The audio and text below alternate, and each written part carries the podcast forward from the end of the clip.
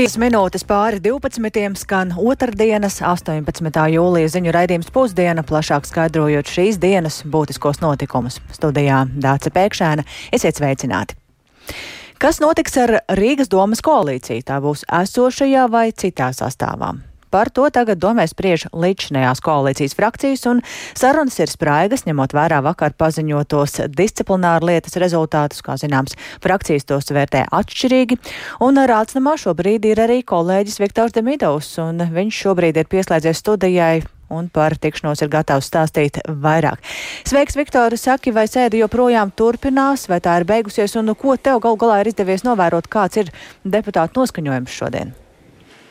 Labdien! Jā, koalīcijas sarunas norit jau stundu, un tā ir trešā tikšanās un otrā, kurā piedalās visas četras frakcijas. Uh, iepriekšējo reizi aci pret aci runāja frakcija par progresīvie un jaunā vienotība, starp kurām vairāk nekā mēnesi valda klājas domstarpības. Un pēc iepriekšējām, t, iepriekšējās tikšanās izskatījās, ka deputāti lēnām, lēnām virzās uz kompromisu, bet šodienas sarunas to varētu varētu piebremzēt, jo vakar paziņotos uh, disciplināru lietas izmeklējuma rezultātus deputāti uh, vērtē atšķirīgi. Un tas ir šodienas galvenais sarunas temats. Uh, tā šorīt man teica frakcijas par progresīvie vadītāja vietniece Justīna Panteļējeva, kura norādīja, ka galvenais ir saprast, kā novērst dienesta pārbaudē konstatētos pārkāpumus, kas pašvaldībai nesuši miljoniem eiro lielus zaudējumus, bet kurus izmeklēšanas komisija nespēja atklāt, jo divos no trījiem pārkāpumiem izrādījās, ka komisija nav spējīga to izdarīt. Un viņa uzskata, ka rezultāti ir politiski ietekmēti. Ja paraugāmies no politiskā viedokļa, atgādināšu, ka pirms nedēļas frakcija par progresīvie teica, ka tuvākās dienas viņi vēros vai domē netop alternatīvs kodols bez par progresīvajiem. Uh, lūk, ko par novērojumiem šorīt man teica Panteļējeva. Vārdos koalīcijas partneri apgalvo, ka viņi redz Starp mūsu četrām koalīcijas frakcijām arī turpināt darbu koalīcijā, tomēr darba liecina citu. To mēs redzam arī ietekmi pārdalīšanā balsojumos, kas tiek veidot ar opozīcijas balsīm, un redzēsim, cik ļoti šodien koalīcijas partneri būs gatavi mūs uzklausīt un strādāt pie tā, ka mēs radam kompromisu tajā, kādā veidā mēs redzam jaunu pārmaiņu koalīciju, kurā tiek veikts kapitāls remonts, nevis tikai kosmētiski labojumi. Jā, dzirdējām frakcijas par progresīvie vadītāju vietnieci Justīnu Panteļējevu, kura teica, ka noskaņojums pirms šodienas sarunām viņai ir konstruktīvs. Uh, savukārt mēra pienākumu izpildītājs Vilnis Čirsis no jaunās vienotības burtiski īsi uh, pirms uh, sarunas uh, sākuma teica, ka šodien galvenais ir saprast, vai kolēģi grib strādāt turpmāk vai tomēr negrib. Nu, ar kolēģi ir domāti frakcija par progresīviem. Uh, savukārt vicemērs Edvards Ratnieks no Nacionālās apvienības Latvijas reģiona apvienības sarunā ar mani norādīja, ka šodien bija plānots izrunāt darbus, kas pašvaldībā ir iekavējušies, bet vakar paziņotais disciplināra lietas rezultāts plānos ieviesa korekcijas. Turpina Ratnieks. Mēs redzam, ka šis bērnu dārsts nav rīmies, un apvainojumi joprojām tiek mētāti pa labi, pa kreisi. Un līdz ar to droši vien, ka šodienas saruna būs fokus uz to, kā nu, mēs tad vispār varētu strādāt. Pieļauju, ka un pilnīgi noteikti piekrītu izpildirektoram tajā ziņā, ka darbinieki visticamāk to ir darījuši pēc labākās apziņas, un šos secinājumus arī ir izdarījuši. Līdz ar to man nav pamata apšaubīt nekādā veidā, jo nu, es pilnībā uzticos darbiniekiem un arī visām iesaistītajām pusēm, kas ir bijušas klāt lēmumu pieņemšanā, un līdz ar to kā, nu, mēs to pieņemam zināšanai šobrīd. Jā, un dzirdējām vicemēru Ratnieku, kurš izmeklējuma rezultātiem piekrīt.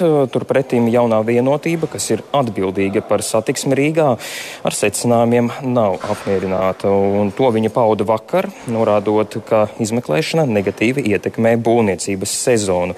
Kā izvērtīsies šodienas sarunas, par to plašāk ziņosim raidījumā pēcpusdiena, bet pagaidām izskatās, ka solis ir spērts atpakaļ, nevis pretim kompromisam. Dace. Paldies uh, Viktoram Demidovam. Tāds lūk ieskats koalīcijas partneru teikta, teiktajā, un mēs turpināsim sekot līdz arī šodienas sarunām Rīgas domē un arī vispār turpmākajās dienās. Bet uh, turpinoties Krievijas sāktiem pilnapmēra karam Ukrainā, Krievija šonakt no gaisa uzbruka Ukrainas Melnās jūras ostas pilsētām Odesai un Mikolājevai, apšaudot tās ar spārnotajām raķetēm un droniem. Pretgaisa aizsardzības sistēmām lielāko daļu izdevās notriekt. Krievijas triecieni Ukrainas dienvidos notikuši pēc tam, kad naktī uz pirmdienu uzbrukumā nopietni sabojāja Krīmas tiltu, bet Maskava vakar paziņoja par izstāšanos no starptautiskās vienošanās, kas nodrošināja Ukrainas graudu un citu lauksaimniecības preču eksportu caur Melno jūru. Krievijas izstāšanos no vienošanās asi nosoda starptautiskā sabiedrība. Arī Latvijas prezidents Edgars Rinkevičs uzskata, ka šī rīcība ir vēl viens pierādījums Krievijas noziedzīgajai taktikai, lai padarītu pārtiku pārtiku par ieroci. Un par pasaules reakciju vairāk ir gatavs stāstīt kolēģis Uldis Čēsberis, kurš šobrīd man līdzās studijā.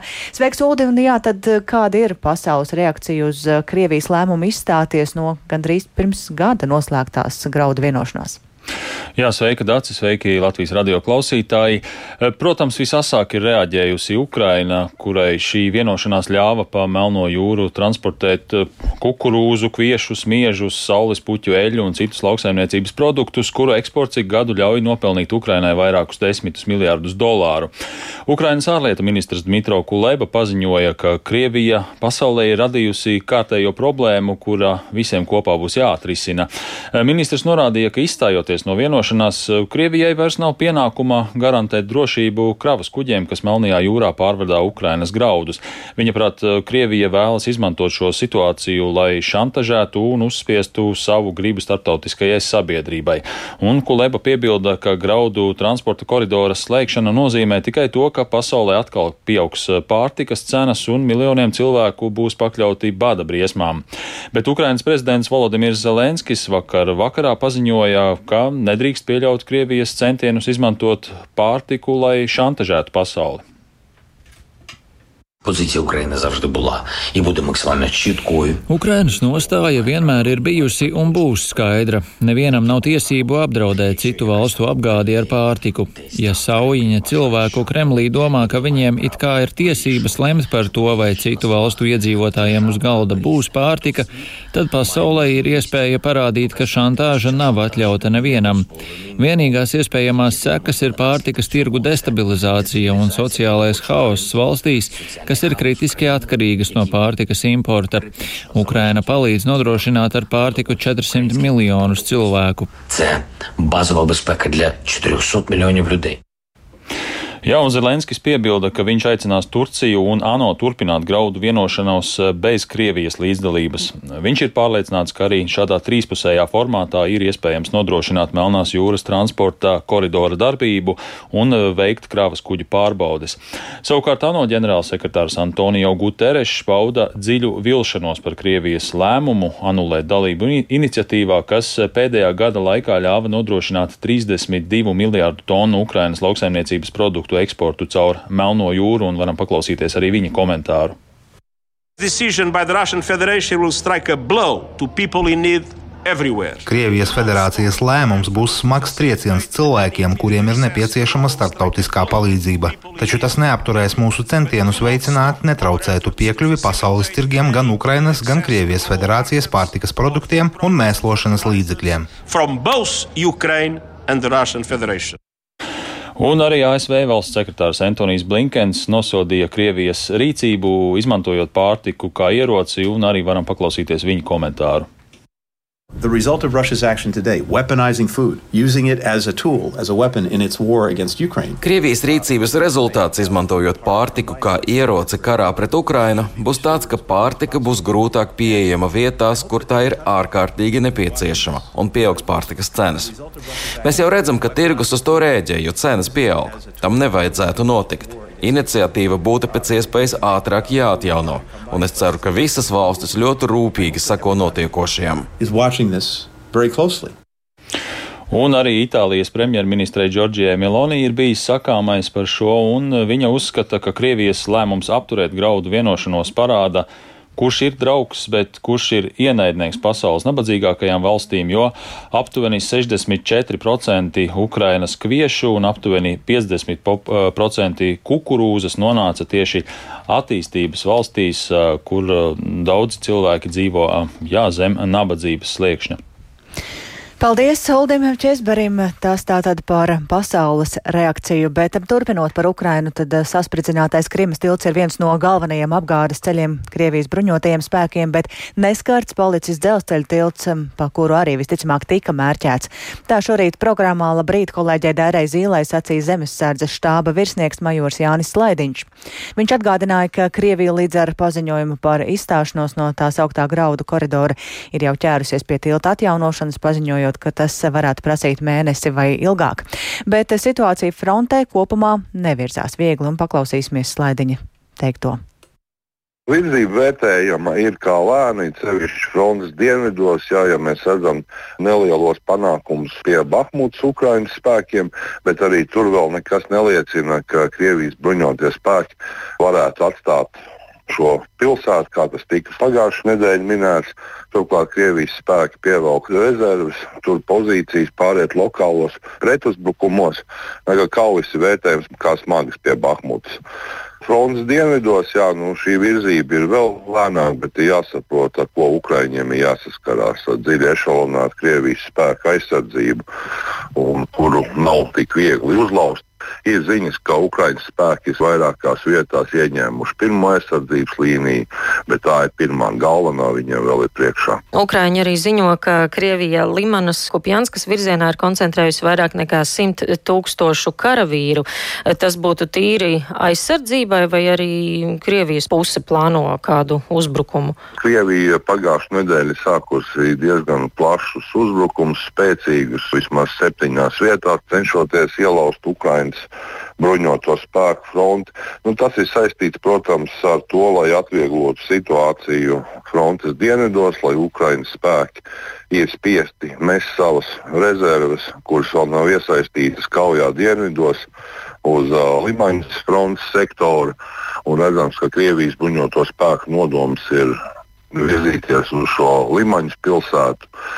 Arī tur šī situācija ir vērtējama diezgan smaga, vismaz no Ukraiņas ģenerālštāba puses. No Ukraiņiem arī izskan, ka vēl viens no faktoriem, kas varbūt kavē vai bremzē pretuzbrukuma attīstību, ir plašas mīnētas teritorijas un uh, lēnās ieroču piegādes, kad Ukraina varētu saņemt arī solītos iznīcinātājus F-16. Nu, zināms, tas, ka uh, pirmā grupa pēc Ukrainas gaisa spēku sniegtās informācijas ir devusies uz F-16 apmācību. Cik man ir zināms, tad ātrāk par nākamā gada janvāru, februāru šie F-16 neparādīsies, tiek minēts taisnība nākamā gada sākums. Un tas ir tas, protams, kas Ukraiņas spēkiem pietrūkst. Ukraiņa šajā gadījumā ir diezgan unikāla armija. Viņa sākusi uzbrukumu bez spēcīga gaisa spēka atbalsta, ko nevienas citas valsts nedarītu. Ja mēs skatāmies, protams, uz ASV militārām operācijām, tad pirmais, kas bija iekarot gaisa telpu un nodrošināt aviācijas atbalstu sauszemes vienībām. Ukraiņiem, diemžēl, nav šīs iespējas. Tik tālu zemesardzes štāba virsnieks majors Jānis Slaidiņš par notiekošo frontē Ukrainā. Bet šajā brīdī mēs atgriežamies pašmājās un ir aizvadīti dziesmu un deju svētki pamazām sāks arī to izvērtēšana. Tostarp drīz pēc noslēguma koncertiem aktualizējies arī jautājums par kolektīvu vadītāju atalgojumiem. Izskan pat viedokļi, ka daudzi vadītāji gluži vai brīvprātīgi vada korus, deju kolektīvus un citas kopas, un šim tematam šodien ir vairāk pievērsies kolēģis Santa Adamsona, kura man šobrīd līdzās studijās. Sveika, Santa! Labdien! Tam, cik šis jautājums vispār ir ietilpīgs, es gribētu vispirms vērst uzmanību tam, ka dziesmu un deju svētkos šogad piedalījās vairāk nekā 1600 kolektīvi. Tie ir dažādi līmeņa kori, deju kolektīvi, ansambļi, orķestri, kapelas, folkloras kopas Mākslas studijas, amatieru teātri, droši vien vēl kaut ko esmu aizmirsusi um, pieminēt. Jā, un katram no tiem arī ir vadītājs. Jā, un šie vadītāji uh, ir cilvēki, kuriem bieži ir pamatdarbs. Viņi uz mēģinājumiem dodas vakaros, uh, arī citreiz vada vairākus kolektīvus. Un, uh, Un, un, un tās situācijas ir dažādas. Um, tas, ko mēs dzirdam, ko vairāk cilvēki pēc svētkiem ir pauduši publiski, ka atalgojums viņiem ir pārāk zems, un to drīz pēc svētkiem arī raidījumā Kruspunktā uzsvēra muzikoloģi Inese Lūsiņa. Mēs varam paklausīties fragmentu no sarunas ar viņu jāsāk ar vien sparīgāk un beidzot rezultatīvi domāt par tiem cilvēkiem, kuri ir to mācījušies, kuri ir profesionāļi, profesionāli diriģenti, profesionāli dēļu kolektīvu vadītāji, profesionāli pūtēju orķestra vadītāji, kur strādā ar šiem amatieru kolektīviem, kur ir ļoti maz apmaksāti, kur nekas viņiem nav praktiski nav mainījies. Kopš 2009. gada nekāda pielikuma tur nav bijuši. Vēl arī viena liela daļa no darbiniekiem, kas ir piemēram pats koncertmeistars, koncertmeistars, otrais diriģents, kormeistars, repetitors, visi šie un tā tālāk pedagogi. Tiem vēl arī vismaz Rīgas pilsētā bija jākļūst obligāti par pašnodarbinātiem, lai viņi vispār varētu turpināt darbu. Um, tieši pirms uh, ētera man bija saruna ar uh, Latvijas Nacionālā kultūras centra uh, um, dziesmu deju svētku tradīcijas saglabāšanas un attīstības nodaļas vadītāju Sarmīti Pāvulēnu. Viņa man izskaidroja to kārtību. Uh, arī valsts mērķu dotē šos kolektīvus, uh, dodot naudu pašvaldībai. Un tad, ja mēs tādos ciparos skatāmies, uh, šogad esot tūkstot 1603 kolektīvi, un tā kopējā summa kolektīviem ir 984 tūkstoši eiro. Ja izrēķinām, tad vienam kolektīvam, ja tur ir viens vadītājs, tad uh, gadā šī summa būtu 613 eiro. Uh, arī piemērā uh, Pāvlēna stāstīja, ka kora vadītāja, uh, kura varētu, uh, kurai varētu būt divi mēģinājumi nedēļā, varētu saņemt gadā pa 800 uh, eiro. Tas ir šie... gadā. Jā, tas ir gadā, un, uh, protams, šie ir aptuveni skaitļi. Precīzāk es varēšu pastāstīt uh, pēcpusdienā, bet uh, kas vēl svarīgi, jā, vai pašvaldībām ir tāda vēlme pacelt un vispār iespēja pacelt kolektīvu vadītājiem algas. To šorīt programmā Labrīt Daira Zīle vaicāja arī Latvijas pašvaldības savienības vadītājam Gintam Kamīnskim, un paklausīsimies fragmentu. Šeit nav runa tikai par kolektīvu vadītājiem un apmaksu no pašvaldību puses. Arī kultūras ministrs arī mūsu sarunās savstarpējās runājām, ka kultūras ministrija nāk ar iniciatīvu daļēji šo finansējumu kolektīvu vadītājiem sekt no valsts puses nu, un veidot šo sistēmu, lai visās vietās, tur, kur notiek darbs, tur, kur ir šie kori, deju kolektīvi, pūtie orķestri, folklori, lai arī attiecīgi tie vadītāji saņemtu atbilstošu atalgojumu. Un, protams, jautājums ir aktuāls. Nu, droši vien tas būs viens no jautājumiem, ko mēs ar kultūras ministriju jau tuvākā laikā sēdīsimies pie galda un runāsim. Kaminskis gan sarunas turpinājumā paskaidro, ka atbalsts pašvaldībām nav tikai pirms kārtējiem dziesmu deju svētkiem, bet ir uh, regulāri jau no paša sākuma. Tā kā man arī to stāstīja uh, Nacionālajā kultūras centrā, kur arī sacīja, ka precīzas lietas varbūt vēl šobrīd nav iespējams pieminēt, bet uh, diskusija un, un sarunas par to, ka šo kārtību vajadzētu mainīt, ir, ir esot bijušas. Um, Pēc Latvijas Nacionālā kultūras centra publiski pieejamās informācijas uh, Šī mērķa dotācija, jā, kā jau sacīju, ir 984 tūkstoši eiro, nedaudz virs gadā, bet uh, par vispār šo atalgojumu sistēmu un apstākļiem man piekrita runāt arī Latvijas kultūras akadēmijas prorektore zinātniskajā darbā Anda Laķa. Viņa uh, šo aspektu ir vērtējusi, pētījusi vairāk kārt savā darbā, runājusi ar pašvaldībām un kolektīviem. Viņa piekrita sarunai, tā būs gan nedaudz vēlāk. Um, arī Madonas novads, kas pēc kolektīva skaita ir viena no lielākajām pašvaldībām Latvijā, man apsolīja šodien sniegt komentāru. Uh, to tad arī izklāstīšu un šo pašu finansēšanas kārtību uh, programmā pēcpusdienu. Skaidrs, paldies Santai Ādamsonai. Tātad gaidīsim plašāku tavu izklāstu raidījumā pēcpusdienā. Es vēl tikai piebildīšu, ka jau pēc neilga brīža šim jautājumam par dziesmu un deju svētku nākotni plašākā diskusijā pievērsīsies arī raidījums kruspunktā, jo vairāk kārt jau ir uzsvērts, ka dziesmu un deju svētki, gatavošanās nākamajiem dziesmu un deju svētkiem sākas jau beidzoties līdzšinējiem, un tāpēc arī tas ir jautājums, kad, kuram, kura laikā pievēršas dalībnieku tātad, kolektīva atalgojumam. Bet no šodienas topiešie studenti var klātienē pieteikties studijām 11 Latvijas augstskolās. To var izdarīt līdz nākamajai pirmdienai augstskolu uzņemšanas punktos. Jāatgādina, ka piekdien jau sākās elektroniskā pieteikšanās, kas šogad pirmo reizi norit pēc jaunas kārtības un informācija vienotajā uzņemšanas portālā liecina, ka visvairāk pieteikumu ir iesniegts mācībām Latvijas universitātē. Mēs sazinājāmies ar Latvijas universitātes rektoru Indriķu Mužnieku, vaicājot gan par populārākajām programmām, gan arī to, vai šogad aktivitāte ir lielāka nekā citus gadus. Varētu teikt, ka nekas tāds būtiski citāds kā iepriekšējos gadus nav novērojams. Populārākie ir mediķi, datoriķi, juristi, žurnālisti, komunikācijas speciālisti. No dabzinātnēm šogad tīri labi iet, manuprāt, bioloģijas virzienā, ķīmija arī nav slikti. No filoloģijas angļu, arī austrumu studijas, tā kā piedāvājums ir plašs bet nu, tāda milzīga pārmaiņa nav. Protams, ir jaunas programmas tajā iekšējās drošības akadēmijā. Pirmo reizi grūti novērtēt, bet vispār interese ir liela arī par pirmstiesas izmeklēšanu, dažādiem ekonomiskiem aspektiem. Tas tātad Latvijas Universitātes rektors Indričs Mužnieks, bet par tendencēm un to, kāda ir situācija ar pieteikšanos Rīgas Tehniskajā universitātē, uzrunājām arī šīs universitātes rektoru Tāli Juhnu. Vispirms tendence kopumā ir ļoti pozitīva, gan arī pusi vairāk nekā iepriekšējā gadā ir pieteikumu. Mums kopumā ir tagad uz šo, nu tur mainās pa minūtē, ja, bet ap 3,5, gan īsti 4 tūkstoši jau ir pieteikumi kopumā uz visām programmām. Un attiecībā uz programmu specifiku, uz ko vairāk piesakās, tur varbūt īpaši izmaiņas nav, piesakās uz datorprogrammām un šogad arī uz būvniecību, arhitektūra un arī biotehnoloģija programma, kurā ir diezgan daudz pieteikumu. Un ekonomika, protams, arī inženieru ekonomika, tajā arī virzienā ir daudz pieteikumu. Tā Rīgas Tehniskās universitātes rektors Tālis Juhna. Tātad pieteikšanās un pieteikuma apstiprināšana studijām 11 Latvijas augstskolās klātienē ir sākusies šodien un turpināsies līdz nākamajai pirmdienai.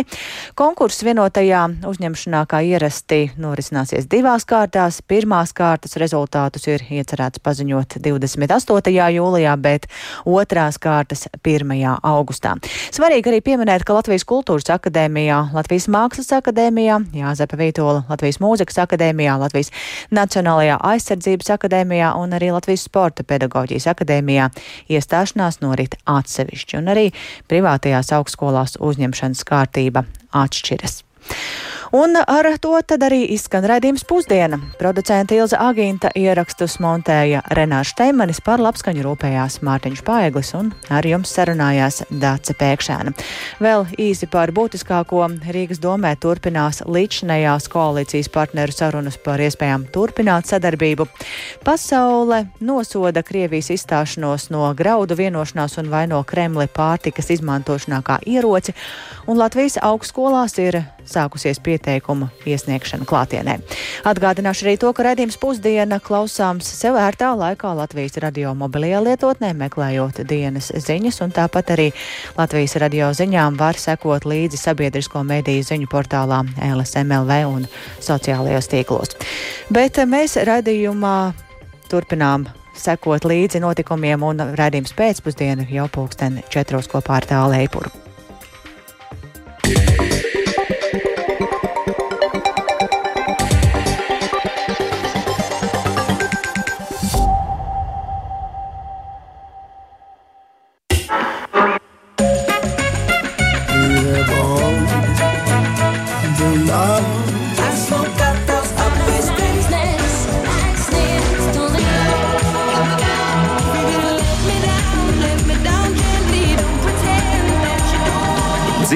ritmi mūzikā.